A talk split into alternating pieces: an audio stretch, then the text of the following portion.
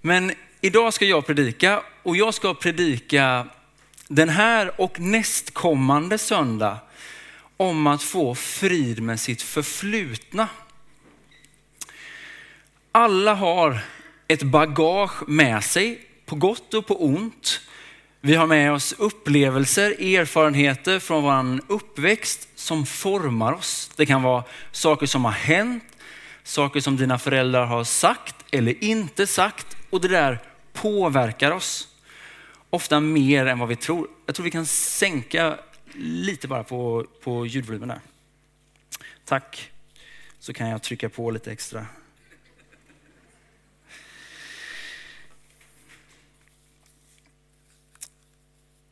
I tonåren så ifrågasätter man ofta sina föräldrar. Det ingår. Jag gjorde det och jag var väldigt kritisk. Men sen så händer det någonting. Jag vet inte exakt när det gör det, men jag, jag tänker mig att det är någonstans vid 25 när man börjar liksom se mönster. Då kommer de här grejerna man har stört sig lite på tillbaka i ens eget beteende och man ser det i hur man själv agerar. Även om vi, vi lever i en väldigt individualistisk kultur så har vi ju uttryck eh, som sådan far, sådan Äpplet faller inte långt från trädet. Och kanske har du hört någon säga att han är verkligen en punkt, punkt, punkt. Eller hon är verkligen som sin punkt, punkt, punkt. Det här kan ju vara så frustrerande när man upptäcker detta. Känslan är ofta så här, det här är bara sån jag är. Det ligger utanför min kontroll att liksom justera detta. Det är ofta väldigt starka impulser som, som styr detta i vårt undermedvetna. Och det är oftast precis på det här området som vi slår i taket i vår efterföljelse. Det är här vi ger upp. Det är här vi är ovilliga eller oförmögna till förändring. Och det här stör våran frid.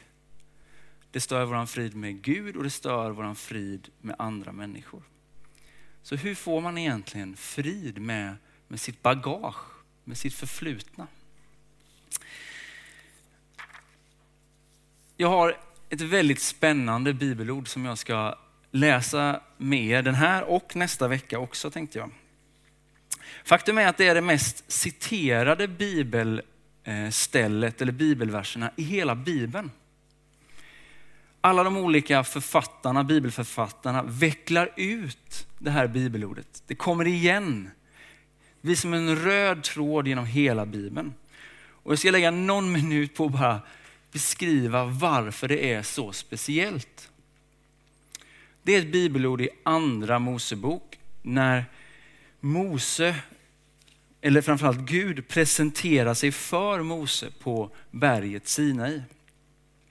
Före den här händelsen, om man läser den hebreiska texten, så presenterar sig Gud som El Shaddai eller El Ohim. El, det är namnet på den kananitiska guden, alltså grannfolkets gud. Shaddai betyder mycket mer, Ohim mycket högre.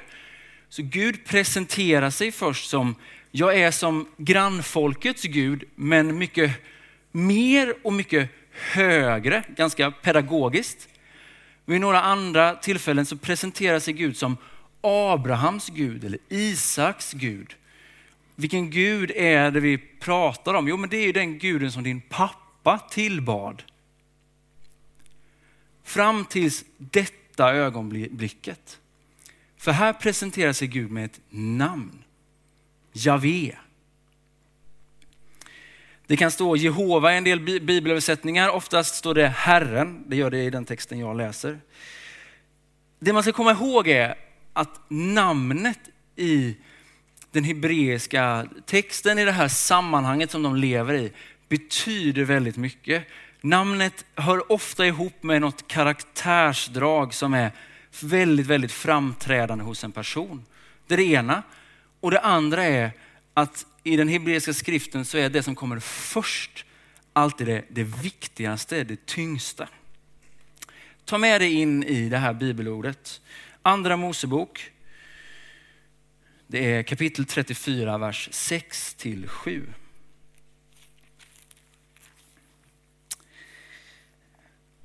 Och Herren gick förbi honom och ropade. Och här står det då, Javé, Javé, eller Herren, Herren, är en barmhärtig och nådig Gud. Sen till vrede och rik på kärlek och trofasthet. Han håller fast vid sin kärlek mot tusenden. Han förlåter synd och skuld och brist. Men lämnar inte den oskyldige ostraffad. Utan låter straffet för föräldrarnas skull drabba barn och barnbarn in till tredje och fjärde led. Om du är som mig och läser den här texten så är du med de tre första. Gud är barmhärtig och nådefull. Amen. Alltså visst blir man bara glad när man får höra en sån här sång innan om det finns djup i Herrens godhet. Det stämmer ju. Han är verkligen nådefull och god. Han är sen till vrede. Han förlåter synd och skuld och brist. Visst är det fantastiskt? Och så kommer man till den där sista lilla versen. Som liksom känns lite jobbigare. Nästan så att man skulle vilja dra en tippexrand över den här. Parentes. Vi kan inte hålla på och klippa och klistra i bibelordet. För då får vi bara våran, liksom, våran idé om hur Gud skulle vara. Våran politiskt tillrättalagda bild av vem Gud är. Men om Gud verkligen finns, är det inte då intressant att se hela bilden? Vem är verkligen Gud? Även om det kanske spänner lite. Så nu så ska vi fokusera faktiskt på den sista meningen i den här texten. Nästa vecka tar vi bara det, vi tar bara godsakerna nästa vecka. Nu tar vi den här, nu river vi av plåstret och så tar vi den här sista versen. Vad menas egentligen med att han inte låter den oskyldige och ostraffad utan låtit straffet för fädernas skuld drabba barn och barnbarn in till tredje och fjärde led. Låter inte det lite motsägelsefullt? Jag tror att det finns många liksom, lager av mening i den här texten. Jag ska börja med det absolut enklaste. Det är så här livet är. Föräldrars synd har konsekvenser för barn och barnbarn. Jag pratade med en, en nära vän den här veckan. Så berättade han, jag visste inte det, han berättade att hans farfar var alkoholist. Och så sa han det, ja, men hela min uppväxt så kunde jag ju se hur det här påverkade min pappa så tydligt. Och nu när jag själv har blivit förälder så inser jag, jag har många av de här beteendena som min pappa fick av min farfar i mig. Och nu för jag över detta på mina barnbarn. Ibland inte själva alkoholismen, men, men effekten eller liksom resultatet av den. För er som gillar Bruce Springsteen så finns det en fantastisk låt som heter Adam raised a Cain. Jag hade tänkt att vi skulle spela den här idag, men Maria var inte riktigt med på noterna på den. Jag försökte med Torbjörn som har ett hårdrocksband, men, eh, men de hann inte riktigt repa in den. Nästa gång. Och har ni chansen så gå in och lyssna på Adam raised a Cain. För där bearbetar Bruce sin brustna relation med sin, sin pappa. Han beskriver det, liksom, aggressionen som fanns och framförallt smärtan i att se att samma typ av aggression, vrede fanns i hans eget liv. Så, så stark sång. För en del är det alkohol eller aggressioner, för andra är det tillitsbrist, det kan vara perfektion eller rädsla för att bli lämnad. Vi har alla ett bagage med och det kan se lite olika ut. Och ibland är det väldigt svårt att se det själv. Det är oftast mycket enklare att titta på någon annan Och så tänker man lite att, oj, det är klart vi har problem, men inte sådana problem.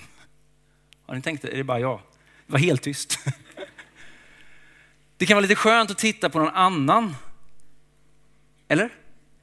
Och tänka, okej okay, det är inte bara jag som har problem. Så det ska vi göra nu. Följ med till första Mosebok kapitel 12, vers 10 till 13.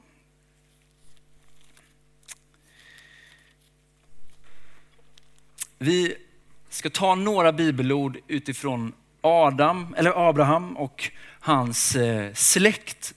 Så ska ni liksom få någon slags biblisk grund för detta påstående att det, det följer i generationerna. Där står det så här, det blev hungersnöd i landet. Det blev så svår att Abraham måste bege sig till Egypten för att bo där en tid. När han var nästan framme sade han till sin fru Sarai, du är ju en vacker kvinna.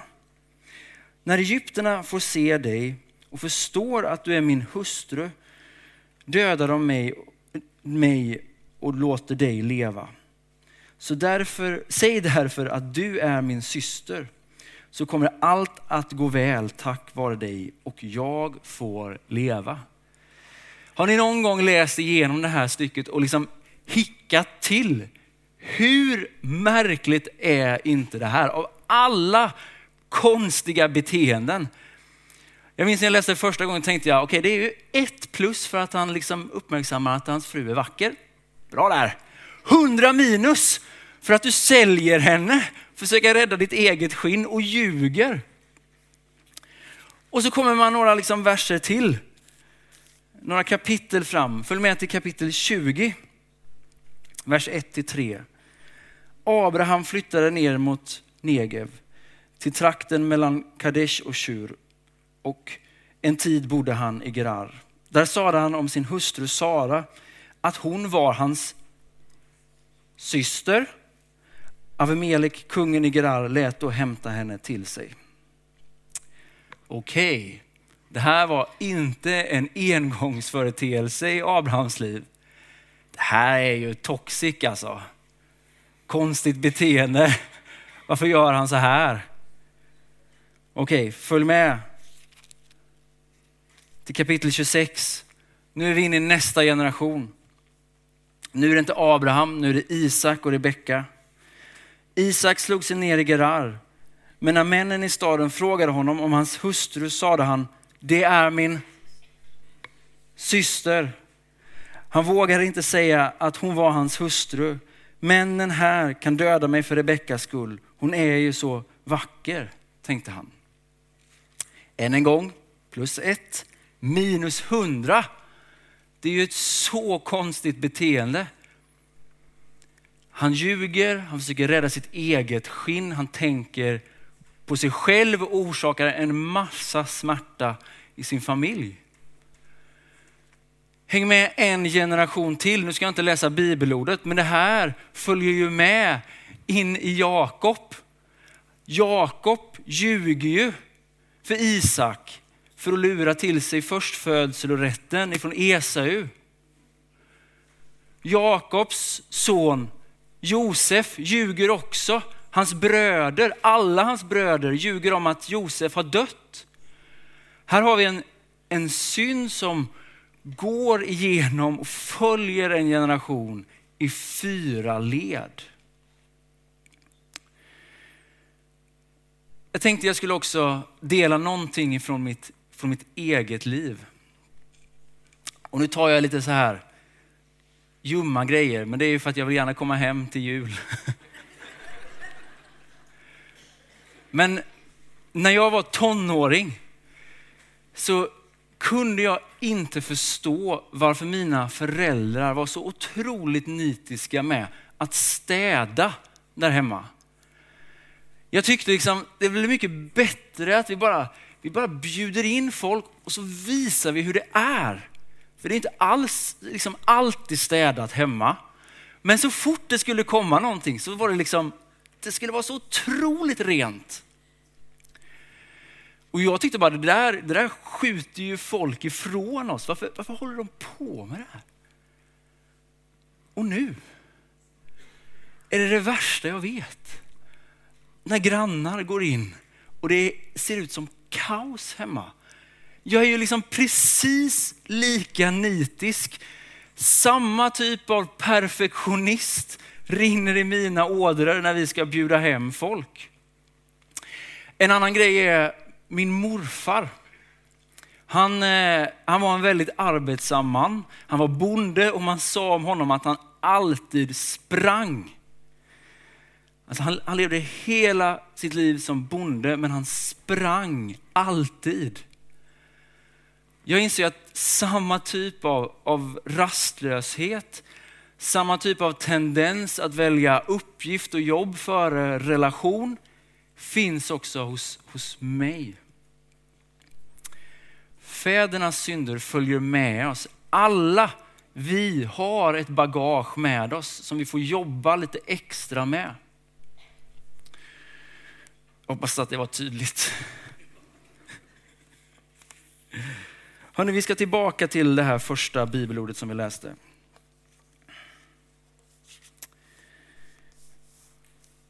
Det sa ju någonting om hur livet verkligen är, men det säger ju också någonting om hur Gud är. Vi läser det en gång till.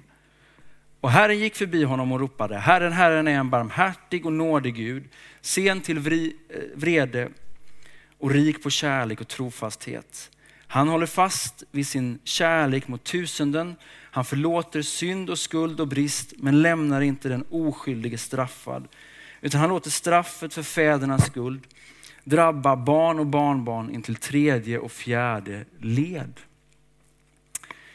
Det här låter ju som en motsägelse. Han är nådefull, förlåtande, men han straffar också, eller låter straffet följa barn och barnbarn till tredje och fjärde led. Jag tror att en poäng här som är viktig att ta med sig är att Gud är nådefull, men han är också rättvis. Det vill säga, han ser inte mellan fingrarna. Han ger inte, inte för fem öre, sitt okej okay till synden. Inte i ditt liv och inte i någon annans liv heller. Och jag tänker att det är goda nyheter. Gud är rättvis. Jag vet inte hur det är för dig, men när jag slår på tvn och hör om att man har hittat ytterligare en massgrav i Ishum i Ukraina, där det finns både mammor och barn då vill inte jag ha en Gud som ser mellan fingrarna. När jag hör om protesterna i Iran, hur kvinnor och barn skjuts till döds för att de protesterar emot en religiös regel.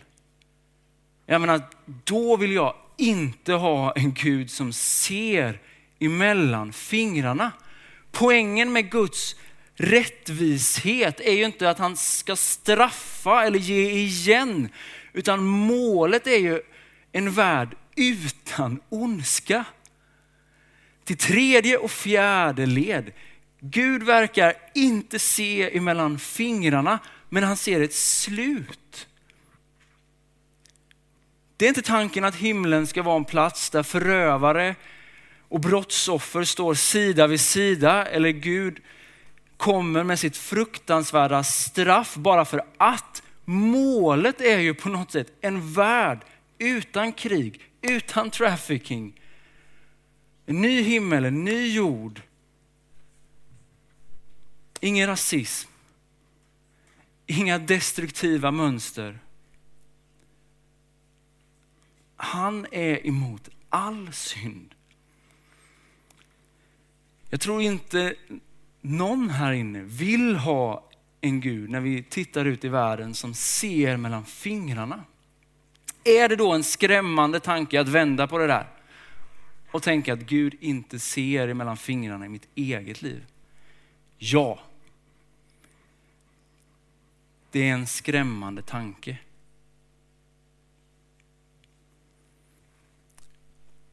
Bara för att din pappa är en skitstövel kommer inte Gud att ursäkta det beteendet hos dig. Bara för att din mamma ljög och var kontrollerande så kommer han inte att se mellan fingrarna och säga att det är okej okay, bara för att du fick uppleva det i din uppväxt. Guds rättvisa är tätt sammanslutet med hans mål. En värld utan ondska, en värld utan synd. Det innefattar också alla de dåliga mönster och vanor som du har ärvt och tagit med dig. Det innefattar alla dysfunktionella känslomönster, alla utbrott, allt skuldbeläggande, allt det där som man inte så gärna vill prata om. Kanske kämpar du också, precis som jag gör ibland, med den där känslan av att det är bara sån jag är. Men det är inte sant. Det är inte sant. Så jag vill som avslutning skicka med dig tre praktiska tips som kan få vara till en hjälp kanske för dig. Vad gör man egentligen när man möter de här sakerna i sitt eget liv? Det första jag tror att man ska göra det är att försöka synliggöra. Vi kan inte förändra det vi inte ser. Vi kan inte plocka ut bjälken i vårt eget öga om vi inte får syn på den. Så ta en kväll den här veckan. Sitt ner med någon du lever nära. En vän, en förälder, en partner. Fundera över vad ser du för mönster? Vad har du fått med dig från din uppväxt? Vad är det du har ärvt? Försök att få syn på det. Det andra steget som jag tror är precis lika viktigt, det är att förlåta. Vi kommer aldrig uppleva någon förändring i våran egen liv om vi bara skyller vårt dåliga beteende på våra föräldrar. All upprättelse går genom förlåtelsen. Och har man då varit med om övergrepp eller våld eller hemska saker så kan jag verkligen förstå om det är en väldigt svår sak att begära att förlåta. Men man måste förlåta. Man måste gå igenom förlåtelsen. Matteus 6 och 14 så står det, om ni förlåter människorna deras överträdelser så skall er himmelske fader också förlåta er. Och det sista enkla praktiska rådet det är att be. Det finns inget destruktivt band som inte Jesus kan bryta. Han har all makt på himmel och på jord. Det är i honom som vi har vår styrka. Och för en del så kan sådana här typer av generationsförsamlingar framstå som förbannelse, spöken som förföljer den. Men det finns inget mörker som är för mörkt för Jesus. Det finns inget band som han inte kan bryta.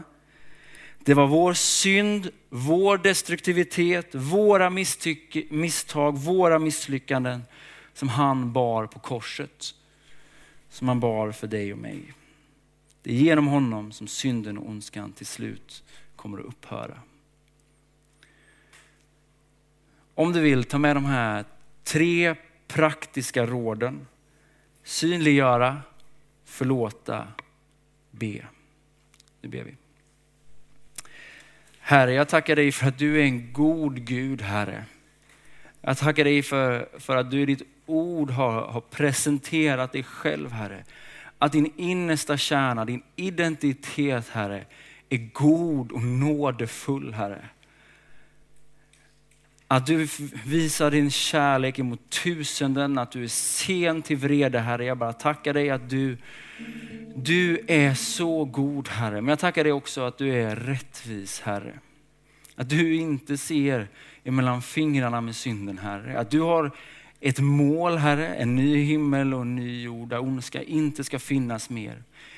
Inget mer krig i Ukraina, inget mer dödligt skjutande i Iran, Herre. Ingen mer dysfunktionalitet, Herre. Ingen mer smärta, Herre. Ingen mer ondska, Herre. Tack att du vill se ett slut på detta. Du vill se ett slut på det i världen, Herre. Du vill också se ett slut på, på det som är fel och brustet i våran, e, vårt eget liv, Herre. Hjälp oss att, att sätta våran blick till dig Herre. Du som vill oss väl Herre. Du som har ett framtid och ett hopp för oss Herre. Jag tackar dig för att inget mörker är för mörkt för dig Herre. Inga band bakåt är för starka Herre. Inga beroenden är för starka Herre. Inget, inget av det vi, vi gör eller misslyckas med kan få förvandlas Herre. Allt kan få förvandlas Herre när vi kommer till dig och lägger det i dina händer Herre. I Jesu namn. Amen.